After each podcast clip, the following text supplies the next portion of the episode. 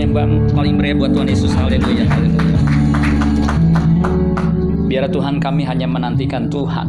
Sebab Engkau yang layak dinanti-nantikan dalam hidup kami. Kami bersyukur Tuhan kalau pagi hari ini kami bisa berkumpul berdoa mendengarkan firman-Mu. Kami sangat membutuhkan hubungan dengan Engkau ya Tuhan. Kami sangat membutuhkan firman-Mu sebab firman-Mu adalah pelita buat kaki kami dan terang buat jalan hidup kami sehingga kami tidak tersesat di bumi ini. Terima kasih Bapak di surga kami sudah menaikkan doa kami. Kami percaya doa orang benar besar kuasanya. Kami percaya sepanjang kami hidup saleh, hidup benar, maka doa-doa kami menjadi doa yang berkenan di hadapan-Mu Tuhan. Terima kasih Bapak, sebentar kami mau mendengarkan firman-Mu. Kami buka hati kami buat sabda firman-Mu, biar firman boleh masuk dan menguasai hidup kami dan mengubah hidup kami sehingga selama kami hidup di bumi ini kami hanya tujukan harapan kami kepadamu Tuhan. Di dalam nama Tuhan Yesus kami berdoa mengucap syukur. Haleluya. Yang percaya diberkati berkata amin. Tepuk tangan buat Tuhan Yesus. Silakan duduk terus sekali. Shalom. Kita buka Alkitab kita dalam Kejadian pasal 7.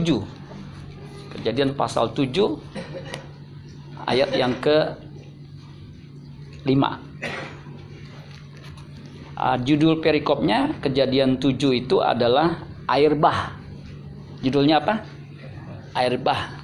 Ya, bukannya air orang Batak nih, bah ini. Ya, air bah.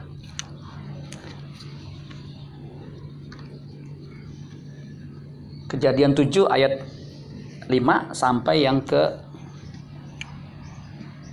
16. Kejadian 7 ayat 5. Saudara yang bawa Alkitab boleh buka. Yang bawa HP sucinya boleh dibuka ya. Tapi jangan buka yang lain ya. Buka Alkitabnya aja. Yang lainnya dikatasin gitu saudara ya. Saya bacakan saudara dikatakan begini. Lalu Nuh, kejadian 7 ayat 5. Lalu Nuh melakukan segala yang diperintahkan Tuhan kepadanya.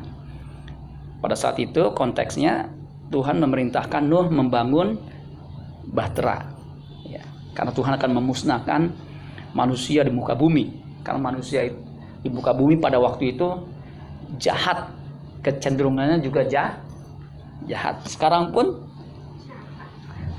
jahat, saudara. Ya. Kemarin saya kaget di kalau di Google kan tuh suka ada berita-berita ya. Ada dua berita yang menurut saya miris. Ya. Yang pertama itu berita seorang istri, ya, itu membunuh suaminya. Memang suaminya kebangetan sih ya.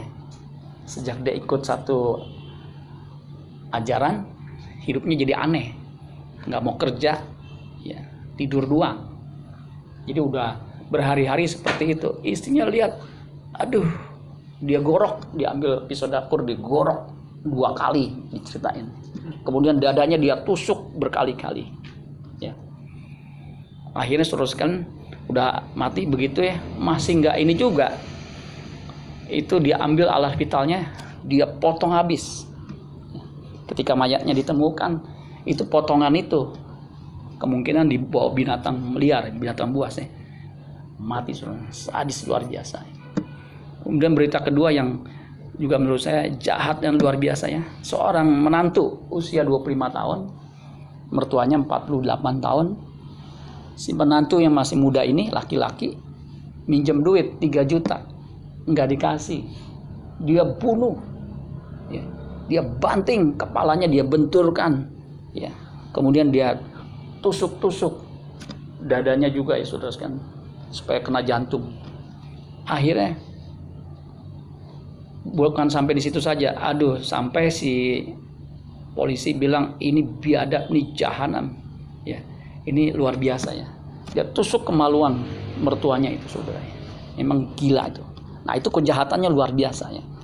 Menurut saya memang manusia kalau nggak bertobat siapa pun dia itu jahat ya. Nah Nuh diperintahkan untuk membangun bahtera ya. Ayat 6 Nuh berumur 600 tahun ketika air bah datang meliputi bumi masuklah Nuh ke dalam bahtera itu bersama-sama dengan anak-anaknya dan istrinya dan istri anak-anaknya karena air bah itu Jadi yang masuk ke Bahtera itu ada berapa orang? Delapan. Nuh sama istrinya. Tiga anaknya sama mantunya. Jadi totalnya delapan. Ya. Dari binatang yang tidak haram dan yang haram. Dari burung-burung dan dari segala yang merayap di bumi, di muka bumi. Datanglah sepasang mendapatkan Nuh ke dalam Bahtera. Jantan dan betina.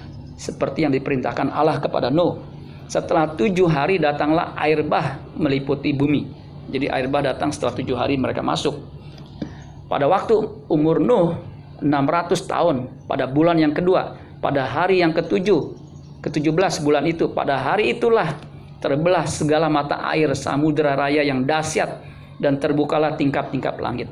Siapa sangka siapa nyana pada waktu itu ya mata air semua terbelah ya, terbuka sampai memenuhi bumi. Ya. Kita juga siapa sangka dalam dua bulan ini lima kali banjir saudara sekalian. Ya. Jadi luar biasa ya. Yang aneh banjir kan di luar, pompa saya rusak saudara sekalian. Saya jadi udah gelap, nggak mandi. Ya. Saya kan biasa mandi itu bisa minimal dua kali saudara sekalian. Nggak mandi seharian kan lengket. Jadi siapa sangka siapa nyana saudara sekalian. Ya dan turunlah hujan lebat meliputi bu, mu, meliputi bumi 40 hari 40 malam lamanya. Jadi ini hujan ekstrim. Kenapa? 40 hari 40 malam. Kita aja dari Senin eh, dari Minggu Senin Selasanya udah banjir Saudara sekalian. Maka Jakarta ini kalau 40 hari 40 malam tenggelam semua loh. Termasuk apa? Apalagi saya.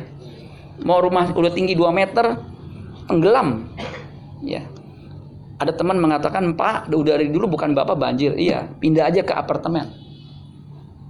Dengan bercanda saya bilang, "Ada nggak rekomen apartemen mana yang mesti saya beli?" Emang lu punya duit ya. Jadi sekalian akan tenggelam, mau tinggal di mana pun. Ya. Nah, ayat terakhir dikatakan, eh belum ya, Ayat 13 pada hari itu juga masuklah Nuh serta Sem, Hem dan Yafet. Jadi tiga orang anaknya disebutin, anak-anak Nuh dan istri Nuh dan ketiga istri anak-anaknya bersama-sama dengan dia ke dalam bahtera. Ada yang tahu ketiga istri Sem, Hem dan Yafet itu? Nggak ada yang tahu ya? Saya juga nggak tahu saudara.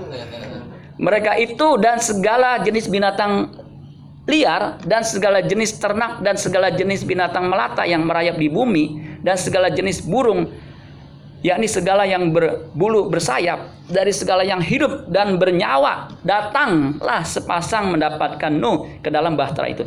Jadi binatang liar segala macam jenis binatang yang sepasang-sepasang itu yang masuk bahtera itu pasti selamat. Eh terakhir dan yang masuk itu adalah jantan dan betina dari segala yang hidup seperti yang diperintahkan Allah kepada Nuh. Perhatikan nih. Lalu Tuhan menutup pintu bahtera itu di belakang Nuh. Jadi saudara kalau kita lihat di sini yang masuk bahtera itu cuman 8 orang. Nah, itu dicatat saudara kalau suruh baca ya. Kejadian tentang Nuh itu ya yang masuk bahtera itu di 1 Petrus 3 ayat 20 itu si Rasul Paulus memberi catatan tentang peristiwa Bahtera ini. Ya. Nah, catatannya menarik. Dia bilang begini, Saudara. 1 Petrus 3 ayat 20. Yaitu kepada roh-roh mereka yang dahulu pada waktu Nuh tidak taat kepada Allah.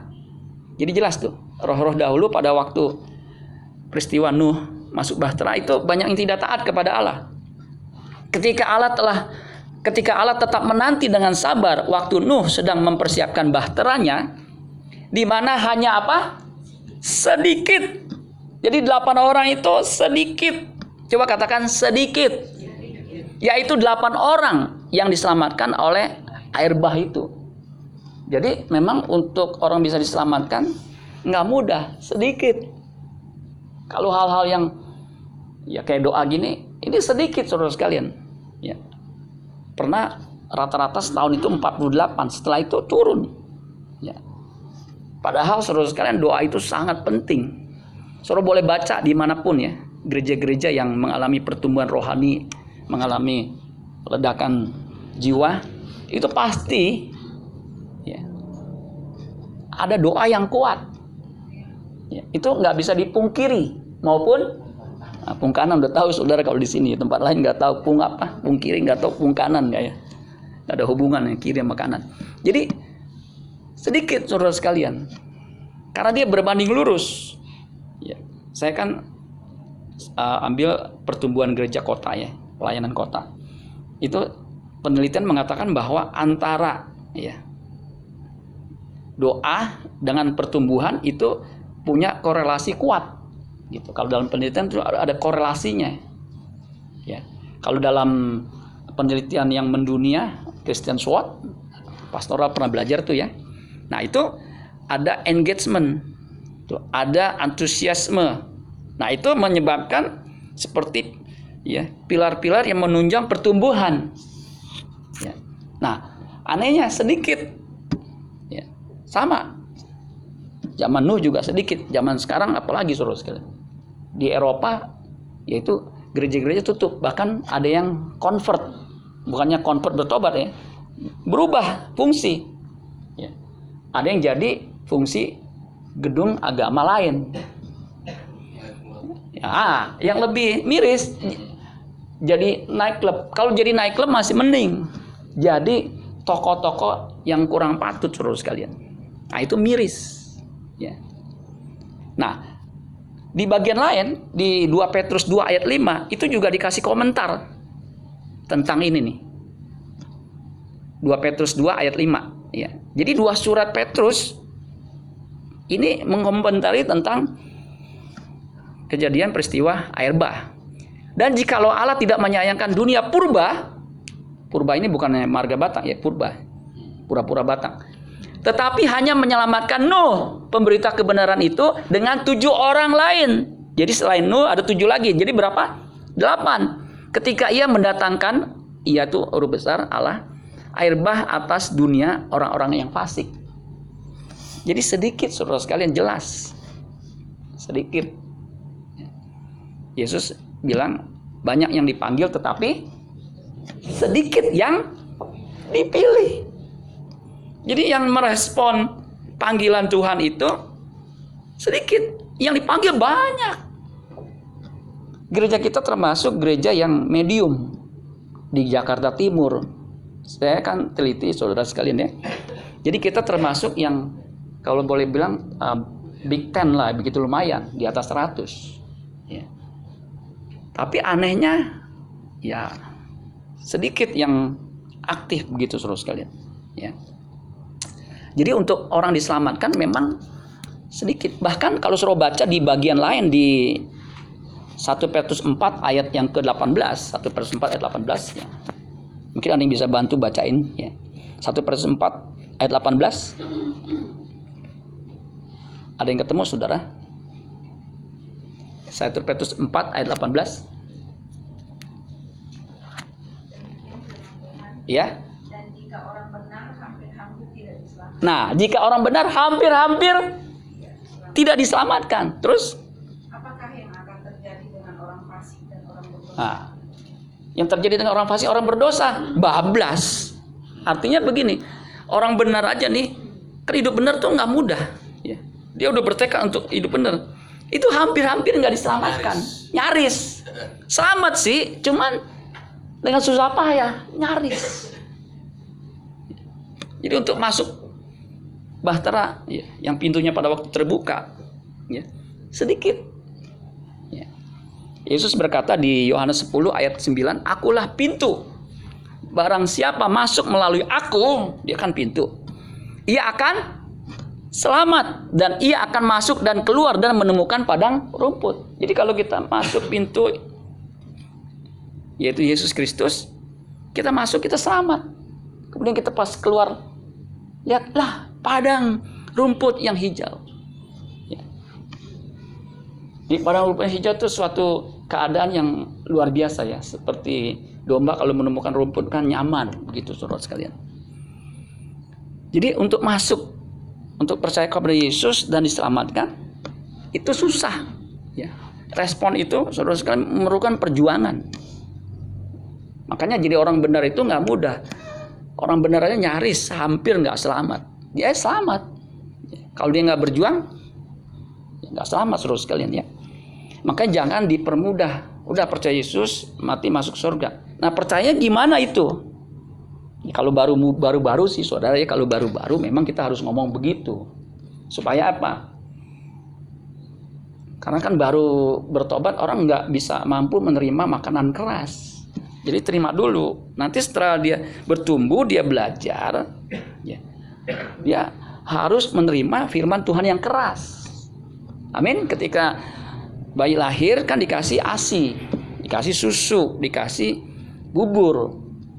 Enggak pas lahir bayi lahir langsung nasi padang, mati dia saudara sekalian. Ya. Itu kan pertumbuhan bertahap. Nah, jadi saudara sekalian memang susah Tuhan Yesus pernah ditanya ya.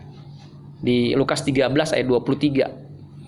Ada seorang yang berkata kepadanya, "Tuhan, sedikit sajakah orang yang diselamatkan?" Nah, Yesus jawabnya enggak, dikit. Karena memang kenyataan dikit, enggak perlu dijawab kuantitas, orang juga tahu. Nah, Yesus jawabnya begini nih, di Lukas 13 ayat 24. Jawab Yesus kepada orang-orang di situ, jadi bukan hanya yang nanya, dia jawab buat yang lain tuh yang ada di situ. Berjuanglah untuk masuk melalui pintu yang sesak itu. Jadi untuk masuk ke pintu Yesus yang sesak itu, yang susah itu, harus berjuang. Ya. Agonisomai. Agonisomai itu artinya mesti bertempur, mesti berjuang. Ya. Sebab aku berkata kepadamu, banyak yang berusaha untuk masuk. Jadi yang berusaha itu masuk itu banyak, tetapi tidak akan dapat. Kalau enggak all out, kalau enggak serius, enggak bisa. Jadi suruh sekalian butuh respon yang all out, yang sungguh-sungguh. Makanya nggak heran biar dia udah jadi pendeta sekalipun itu bisa convert. Saya kadang-kadang bingung, kok bisa ya? Orang udah jadi hamba Tuhan, pendeta, pendeta lu. Kok bisa berpaling? Bisa. Bagian terakhir saudara sekalian di Matius pasal 19. Nah, ini ayat yang terkenal Matius 19. Maksudnya cukup terkenal. Matius 19 ayat yang ke 25 dikatakan begini. Matius 19 ayat 25. Ya. Ketika murid-murid mendengar itu, mendengar apa? Mendengar ada orang kaya, ya, disuruh jual segala miliknya, kemudian suruh ikut Yesus, masuk ke bilangan orang-orang percaya, dia tinggalkan Yesus, dia berpaling. Kenapa Alkitab mengatakan pergi dengan sedih sebab banyak hartanya.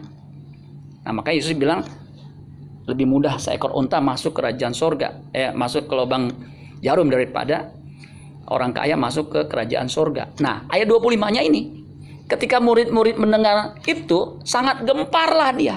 Gemparlah mereka dan berkata, jika demikian siapakah yang akan diselamatkan? Artinya nggak ada yang selamat dong. Betul, susah. Makanya ayat 26 Yesus memandang mereka dan berkata, bagi manusia hal itu tidak mungkin, tetapi bagi Allah segala sesuatu mungkin. Memang susah untuk bisa mengikut Yesus masuk kerajaan sorga itu susah. Kalau enggak respon sungguh-sungguh.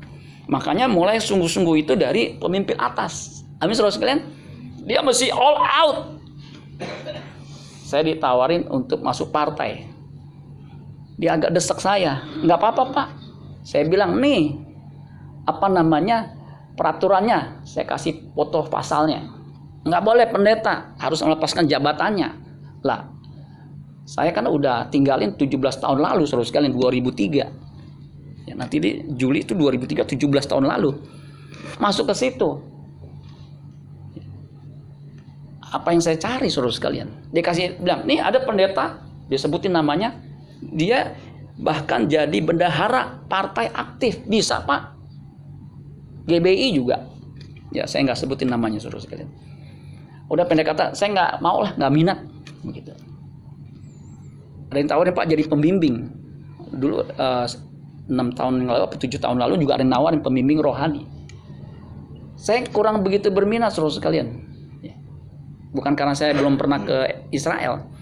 Tapi minat saya nggak begitu dari dulu waktu saya kerja juga saya nggak begitu berminat untuk keluar negeri traveling Kalau ada anak buah saya bilang begini, cek, kirimin gua, kirim gua dong. Karena jat, jatuhnya dapat tuh kalau manajer bisa dua atau tiga kali tra training ke luar negeri. Pokoknya apa aja dah training. Yang penting ke luar negeri, ikutin ini kuotanya. Kalau saya ambil paling satu begitu. Karena dia senang traveling. Kalau saya enggak. Karena minat saya enggak di situ, saudara. Ya. Enggak ada passion. Tapi kalau menyampaikan firman Tuhan, kalau pelayanan, ayo saya jabanin. Ntar abis ini ke pemulung saudara ya. Pelayanan. Nah dia paling sering ngundang mas saya itu bisa empat kali suruh sekalian ya. Jadi suruh sekalian kita mesti serius amin. Mesti fokus. Ya, ya kita nggak kerja yang lain pak. Ya yang lain itu suruh sekalian menunjang amin. Soalnya masih muda nih kayak Adam kerja itu menunjang dia untuk mengerjakan keselamatan untuk mencapai tujuan hidupnya yaitu di kerajaan sorga. Jadi apa yang kita lakukan semuanya itu diarahkan ke sana. Kita harus berjuang. Amin saudara sekalian. Karena kita yang berjuang aja hampir nggak diselamatkan, hampir nggak selamat. Maka siapa yang dapat diselamatkan? Hanya orang yang berjuang, yang percaya sungguh-sungguh. Nah, baru bagi Tuhan tidak ada yang mustahil. Tapi kalau udah leha-leha segala macam, mau gampangan, nggak bisa saudara sekalian. Itu mustahil, nggak mungkin. Makanya butuh respon. Ya. Kita yang mengerjakan tuh. Katergaseste. Katergaseste itu artinya ergon. Ergon itu artinya bekerja. Ya. Jadi percaya itu bekerja. Amin saudara sekalian. Serius, sungguh-sungguh. Waktu saya bekerja saudara sekalian. Banjir yang kayak kemarin itu saya udah antisipasi. Saya pasti ngungsi. Supaya apa? Nggak kejebak. Kemarin kan nggak ada pelayanan Ya, jadi saya kejebak ya udah biarin. Ya. Jadi di rumah aja saudara. Istri saya pernah bilang begini apa ditanya temennya, ini kan rumah lu lagi banjir, kok lu bisa sampai sini? Dia tuh ngerobok tahu ngerobok. Ngerobok itu jalan begitu dia cari keluar begitu. Kerja serius banget dia. Ya. Nggak pernah madol, tau madol? Dikit-dikit madol, dikit-dikit madol. Saya nasihatin anak saya, sayang kalau kerja itu seperti papa mama, nggak pernah absen. Terus rajin. Pokoknya kalau rajin nggak ada salahnya, amin. Kayak suruh doa pagi ini rajin, nggak ada salahnya. Ya pak, nggak ada apa-apanya pagi ini, nggak ada masalah. Ya, begitu. Kemarin saya tanya Pak Andi doa pagi Senin sampai Jumat udah berapa tahun? Tujuh tahun. Bro, itu menurut saya luar biasa tuh Senin Selasa Rabu Kamis Jumat lima kali kali 365 60 lah ya kali liburnya ya kurangin liburnya kali 7 suruh sekalian waduh saya nggak tahu deh kalau saya sih sangat menghargai luar biasa deh ya jadi suruh sekalian mari kita masuk ke pintu bahtera itu yaitu Yesus percaya terima dia, kerjakan keselamatan dengan serius supaya kita sampai di rumah Bapa di sorga. Amin buat firman Tuhan. Tepuk tangan buat Tuhan Yesus.